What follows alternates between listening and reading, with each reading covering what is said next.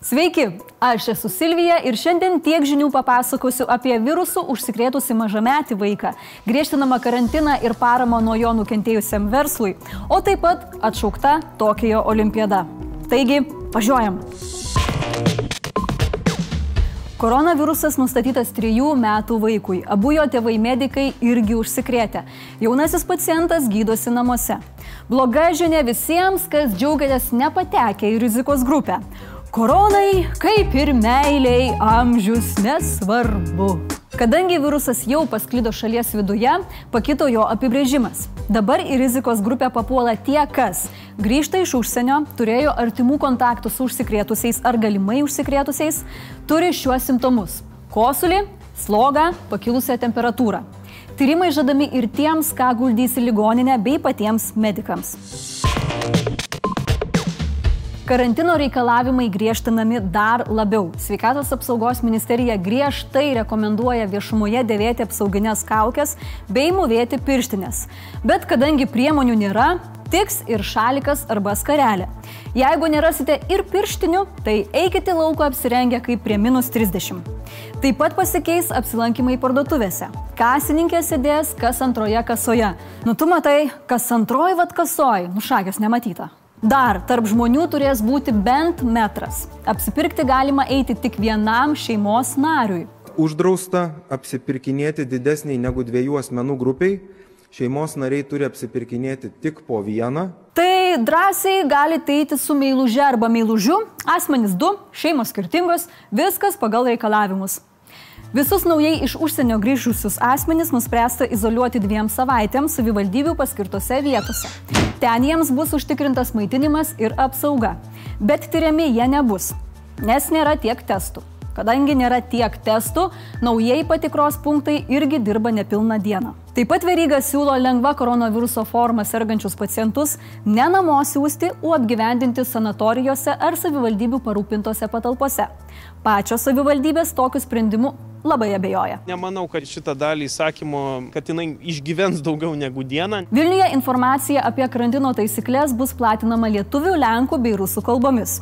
Tai kai dabar pagaus besideginant Vingio parke, jau nebeišsisuksit su pasiteisinimu, ai, izvinytė, ja nepanimaju.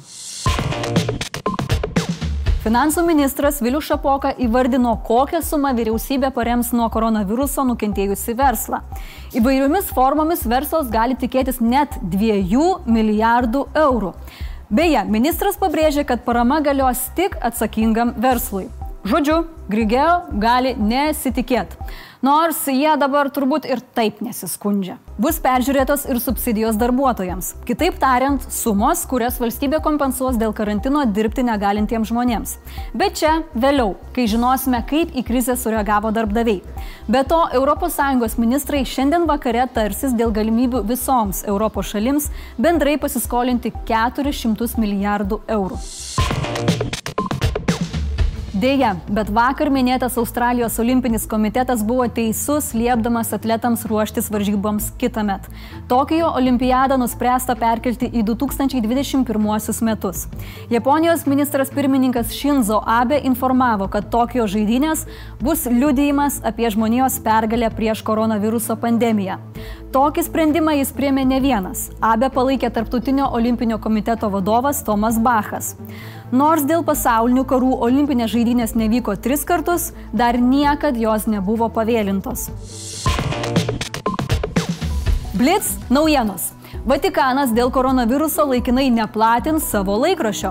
Tai tik antras kartas per 150 metų gyvuojančio dienraščio istoriją, kai laikraščio spausdinimas bus sustabdytas. Na, viskam būna antras kartas.